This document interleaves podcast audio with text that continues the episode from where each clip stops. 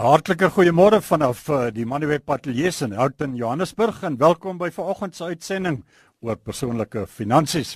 Vanoggend ontrafel ons die moeds en die moenies van skuldberading as 'n vorm van skuldverligting. Veral gedagtes gedagtig aan die risiko's of dan terwyl die nadele wat skuldberading kan inhou wanneer dit oorhaastig ingespan word. Ons ateljeegas wat vanoggend my vra, asook luisteraars vra oor die moeds en moenies van skuldberading en skuldverligting beantwoord, dis Hanlie Kraus, hoof van krediet by FNB Kleinhandel. Goeiemôre Hanlie en hartlik welkom by vanoggend se uitsending op eh, RSG eh, van uh, ons persoonlike finansies. Goeiemôre Andries en aan jou luisteraars. Ons praat vanoggend oor die moeds en die moenies van skuldverligting, meer bepaald skuldberading as 'n vorm van 'n uh, skuldverligting. En uh, ons begin sommer by die begin, uh, Hanlie, dat ons baie duidelikheid kry oor wat skuldberading is, skuldverligting en waar kom dit vandaan? Andri, so die term het ontstaan na die nasionale kredietwet in werking getree het in 2007. Dis 'n formele proses wat ehm um, die wet voorsiening voormaak waar kliënte of of um, mense wat hulle self in finansiële um, moeilike omstandighede uh, uh vind, uh, aansoek kan doen by 'n skuldberader, debt counselor soos wat hulle dit in Engels noem, en dat, dit sal dan hulle in staat stel om van hulle skuld te herskeduleer in 'n formele proses met die verskeie kredietverskaffers waar hulle wel uh krediet aangegaan het. So as 'n mens so 'n bietjie breër kan kyk dan wat is alles die doelwitte uh, van hierdie skuldberadingsproses? Ek dink die doelwit spesifiek is om te kyk hoe ehm um, die gewone persoon in die straat wat homself onder moeilike omstandighede bevind, het sy dit as gevolg van uh, veranderde uh, persoonlike omstandighede kan wees. Mense kan partykeer hulle werk verloor of word afgedank as gevolg van 'n swak ekonomie. En dan vind hulle self in 'n in 'n posisie waar hulle nie al hulle skuldverpligtinge kan na, kan kan bybring nie. En skuldberading spesifiek is daar gestel om dan 'n manier van verligting te skep sonder dat kredietverskaffers dan nou in 'n regsproses deurgaan en en um, probeer om die skuld in te vorder. So dit gee alternatief om mense te help om hulle finansiële posisie dan weer um, op die been te bring en deur 'n periode van tyd daai skuld af te betaal. So, kom ons gaan kyk. Hanlie, um, ons het gepraat oor die begin daarvan. Ons het gepraat van die doel wat te vind skuldberading. Hoe werk die ding in die praktyk? In die praktyk ehm um, sal dit so uitspeel. So 'n kliënt of 'n of 'n persoon sal homself um, in 'n posisie vind waar hulle nie hulle maandelikse verpligtinge in terme van hulle krediet wat hulle aangegaan het kan bybring nie. Um, hulle moet dan gaan oorweeg watse opsies is daar vir hulle. Een van die eerste opsies wat ons altyd voorstel is dat 'n kliënt direk met sy skuldverskaffer of sy kredietverlener, met ander woorde 'n bank of 'n kleinhandel, ehm um, uh, jy weet soos 'n soos 'n uh, Edcon of so aan, skakel om te sê ek vind myself onder finansiële moeilike uh, omstandighede, is daar nie 'n manier wat ons betalingsooreenkoms kan aangaan nie. En in meeste gevalle is die kredietverskaffers in 'n posisie om dit wel te doen. So ons ons noem dit as 'n eerste opsie vir kliënte is probeer met jou kredietverskaffer reëling aangaan. Dis gewoonlik 'n tydelike reëling oor 'n periode van 'n paar maande wat ons jou help om daai skuldlas dan nou um, dalk oor 'n bietjie van 'n langer termyn te sprei en so aan.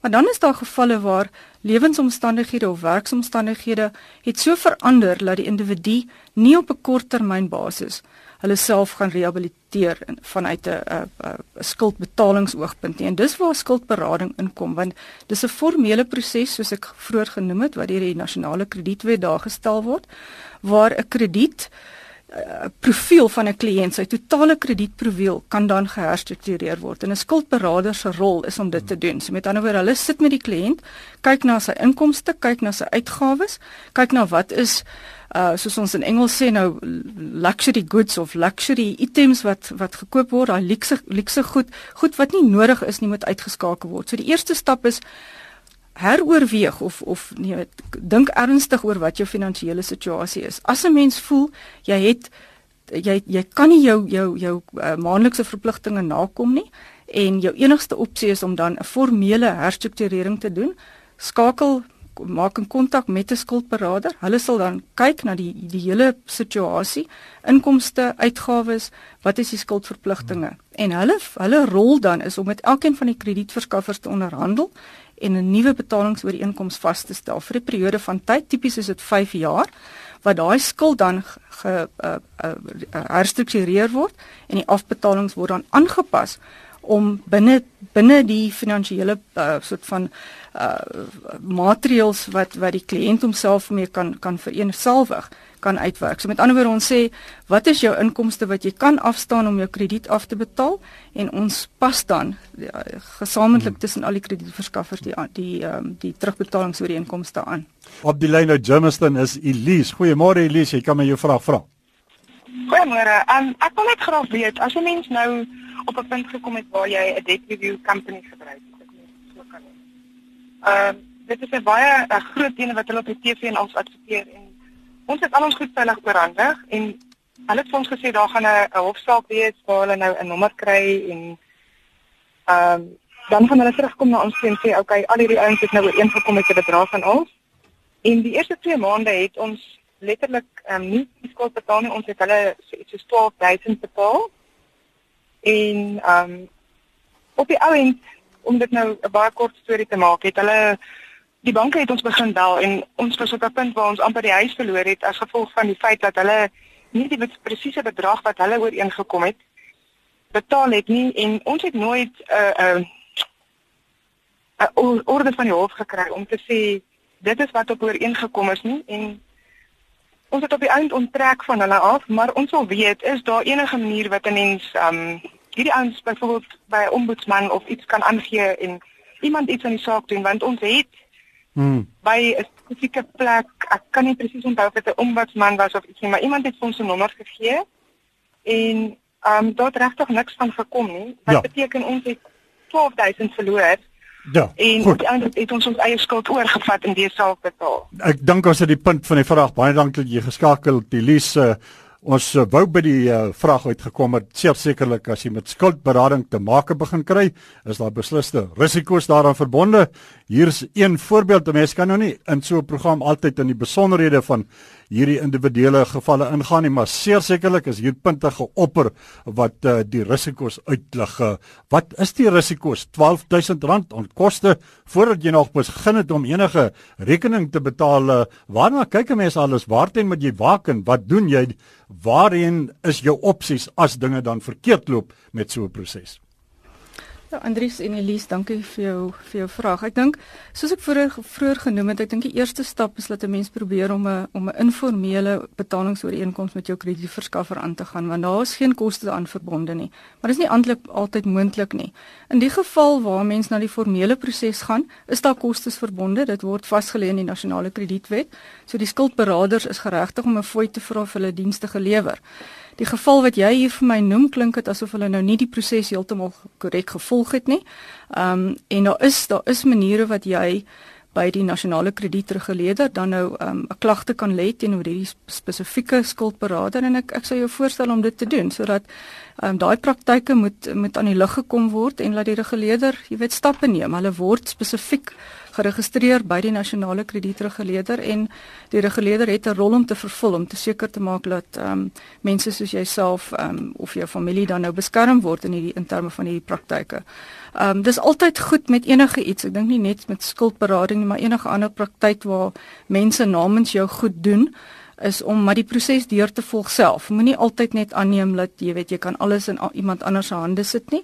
Deur daai eerste 2 maande proses wat wat dit gewoonlik neem om die skuld dan nou te herstruktureer met die met die kredietverskaffer, bly maar in kontak met jou kredietverskaffer sodat hulle weet waar in die proses dit is. Ehm um, daar kan goed wees wat verkeerd loop in die proses en ek dink is net altyd goed om die kommunikasiekanale oop te hou. Ons vanuit 'n kredietverskaffer oogpunt waardeer dit geweldig as kliënte met ons proaktief skakel en vir ons sê wat is die omstandighede eerder as wat ons hulle moet probeer opspoor en dan 'n betalingsooreenkoms aangaan. Maar ek sal vir jou voorstel om na die nasionale kredietreguleerder se webwerf te gaan. Hulle besonderhede is daar en jy kan jy kan die, die saak daar aanhandig maak. Ons praat vanoggend oor die moeds en die moenies van skuldberading op die lyn uit Kaapstad. Dis Frans. Frans, goeiemôre. Jy kan my jou vraag vra. Hallo Andries. Ehm um, en jou gas daar. Weet jy ehm um, die, wat jou gas nou genoem het is alles wat ek deurgegaan het vir die afgelope 5 jaar. Ons het in 2010 al skuldberading oorweeg en ons het dit ingegaan. Die kredietverskaf, ag my my skuldberader is is gelukkig van so 'n maatskappy wat wat my toegelaat het om my kredietverskaffers persoonlik te betaal. So ek het elke maand gegaan en elkeen van my kredietverskaffers betaal volgens die terugbetalingsskedule wat ek ontvang het van my ehm um, ehm um, skuldberader af en volgens die hofbevel. Maar nou het ek teens uh ek het nou al 5 jaar wat verloop het, het ek die meeste van my kredietverskaffers klaar betaal. Ek het my paid up letters gekry wat vir my great is maar daar is twee kredietverskaffers wat ek my mors dood mee sukkel om paid up letters te kry. Al het ek 'n hofbevel wat sê jou skuld is klaar betaal volgens jou ehm um, hofbevel en alles, maar hulle kan nie tot die tafel toe kom en saamstem en sê hoor jy, okay, die bedrag wat jy verskuldig was is betaal ensovoorts ensovoorts. Hmm. Wat staan my nou te doen? Goed, baie dankie dat jy geskakel het. Uh Elise wat vroeër geskakel het, uh Hanlie, die het uh, probleme gehad met 'n skuldberader. In hierdie geval is dit die kredietverskaffer. So uh wat is die opsies? Waarheen kan uh mens gaan as uh, jy ontevrede is met die diens wat jy dan kry of van die skuldberader of van uh, die diensverskaffer, die skuldhouer? Frans, dankie. Ehm um, soos wat ek van jou vraag verstaan het jy nou deur hierdie proses van 5 jaar of die tydperk van 5 jaar ehm um, by jou betalingsooreenkomste gehou en die skuld is afgelos, maar daar's twee kredietverskaffers wat nou nie die klaringssertifikaat wil uitreik sodat jy nou basies kan onttrek uit uit skuldberading nie. Is dit korrek? Hy sê weer op die lyn maar dit is uh, presies soos wat ek die ding ook verstaan het. So dis nie in hierdie geval die die krediet die, of die skuldberader wat die probleem lê soos die vorige dame het meer gepraat van die skuldberader en hierdie probleem lê die uh, geval lê die probleem meer by die kredietverskaffer. Goed, ek dink eerstens is dit nog steeds die skuldberader se se ehm um, verpligting om seker te maak dat daai onttrekkings of daai kansellasie dan nou deurgevoer word. Um, Eh, ek hoop nie FNB is een van die skuldige partye nie, maar as dit is, kan jy definitief jou besonderhede laat en dan kan ons kyk. Elke kredietverskaffer moet 'n proses in plek hê. Hulle kan nie weier om 'n klaringssertifikaat uit te reik op grond op tensy daar grondige redes is nie. So ek sou vir Frans voorstel hy moet weer eens direk skakel. Hy moet nie huiwer om dit na 'n hoër vlak toe te eskaleer nie want die kredietverskaffer moet antwoorde gee. Ek meen ons kan nie net sit en sê wel ons gaan nie gaan nie antwoorde op nie. Ehm um, so ek dink as 'n mens jou jou feite reg het, die dokumentasie et cetera, dan moet jy die ding maar net bestuur. Um, en as 'n skuldberader aangestel word as 'n skuldberader, hy word betaal daarvoor, dan het hy bepaalde verpligtinge. En hy moet uh, as dit nodig is 'n saak gemaak in die regte van die uh persoon wat die skuldberading soek, die regte van die persoon se wie se belange hy beskerm hier, dis 'n saak wat hy gaan beveg daarby wie ook al die skuldige party is. Korrek. Ek meen die fooie wat hulle vra aan die begin van die proses is daar gestel om hulle te vergoed vir die vir die die die werk wat hulle aan die begin doen, maar ook deur die loop van die periode. En weer eens Frans is is weer eens welkom om direk met die reguleerder te skakel en te sê hoorie kredietverskaffer A, B of C kom nie na die na die uh, slotsom toe dat dat ek kan onttrek uit uit skuldberading nie en hulle sal kontak maak. So hulle is daar om om om om om consumers soos hulle in Engels sê te beskerm. Um, Ons praat oor die moeds en die moenies van skuldberading. Ons uh, op die lyn uit Port Elizabeth is Leon. Leon, goeiemôre. Jy kan my jou vraag vra. Goeiemôre Andri. Okay, ek het 'n vraag. Ek wil net 'n positiewe bydrae lewer. Ek was uh, sedert 2012 uh, onder skuldberading net onderkant 100 000 rand skuld gehad. Wat ek toe gedoen het, gelukkig ek het toe 'n werk wat met dubbel my salaris betaal. Uh, maar ek moes 'n kop uh, kopskuif maak. Ek moes in 'n ander area gaan werk omtrent seker 500 km van die huis af. En um, ek het toe my uh, skuldberading se terugbetaling verdubbel van 1800 na 3500. En dus wat ek toe ook gedoen het, okay, ek moes baie opofferings maak. Ek het letterlik op Woolly Beef eiers en pointjies gelewe vir 3 jaar. Hmm. En ek moes 'n kleiner plek hier en ek het sommer 'n ou kalender gevat en 'n Excel sheet opgetrek en uh tasbare bewys van my op baie deur agter waar ek gebly het, die kamer waar ek gebly het. Tasbare bewys van ek my skuld afbetaal het, die 3.500 rand per maand, 700 per maand. My debit orders en al my staat het ek uh, het afgegaan my staat het ek ontvang van my skuldberader. En toe sny ek my my derde cheque tog op ingestort. Toe sny ek my skuldberader omtrent sê gemiddeld 2 jaar ek het op 'n oomblik skuld vry, maar ek het van voor af begin. Ja. Maar Dit is my positiewe bydrae wat ek kan lewer. Leon baie dankie dat jy geskakel het. Uh ja, uh, skuldberading werk hy werk nie. Klink vir my nou sprekende voorbeeld van skuldberading wat uh werk as dit reg toegepas word. Ja, ek dink as kliënte vir die regte ehm um, redes eerstens skuldbenader uh, berading dan nou jy weet aanvat of of onderskuldberading gaan en dan positief daaraan dink 'n mens jy weet soos hulle in Engels sê jy moet you got to cut your cloth according to the jy weet die, die omstandighede wat na jou toe kom en ek dink weer eens positief en en welgedaan Leon dat jy gaan gaan kyk dit na hoe kan jy jou inkomste verhoog? Dit dit verg opoffering en ehm um, maar ek dink om om om jy weet soort van 2 en 'n half jaar vroeër uit te kom om dan te sê goed ek het myself gerehabiliteer. Ek gaan probeer om om krediet vir die regte redes aan te gaan. En ek ek sê glad nie dat dit nie in sy geval so gebeur het nie maar daar is omstandighede wat wat ehm um, luisteraars en en kliënte ehm um, na hulle kant toe kom omstandighede wat hulle buite hulle beheer is. So hierdie proses is daar gestel om te help. Dit behoort 'n positiewe bydrae te wees maar ek dink 'n positiewe gesindheid van die kliënt se kant af is ook nodig om te sê kyk ek moet kyk na my uitgawes dit kan nie net 'n kwessie wees van ek ek hou nog steeds aan om my uh, luxe items te koop en onnodige items op op skuld nie. Dit is nooit 'n goeie goeie um doelwit nie. Die tyd is besig om ons in te haal. Ons kan nog uh, een oproep neem. Pieter van Brakpan. Pieter, jy kan my jou vraag vra. Hou hom net kort asseblief. Uh goeiemôre. Okay, ek uh, wil net hoor, ek luister na hierdie program. Maar ek is 'n pensionaris. Ek het nou gewerk al my lewe na aftrede en so tot omtrent 'n jaar gelede. En toe het ek uh my uh werk verloor. Ek is geretrench. Nou lewe ek basies op my pensioentjie wat ek kry van my aftrede af. Maar dit is so pateties dit uh Ja, Pieter die tyd uh, alles regtig in uh, gee vir ons jou vraag asseblief. Skus tog? Nee, ek sê die tyd haal ons uh, regtig in. Kan jy jou vraag vir ons vra asseblief? Ja, ek wil net weet as 'n ou basies dan nou nou dat ek my werk verloor het en so ek sê ek is 'n pensionaris wat op 'n baie klein pensioentjie lewe kan ek nou beskuldberading gaan uh, aangaan want ek het redelik baie want ek het 'n goeie salaris gekry en nou het ek ja. basies niks. So hoe doen ek nou dit? Wat doen ek nou? So as jy by 'n posisie waar jy nie jou skuldverpligtinge kan nakom nie, as ek nou die vraag so reguit kan vra. Nee, is amper nie. Ja, ek basies nie geld vir kos amper nie.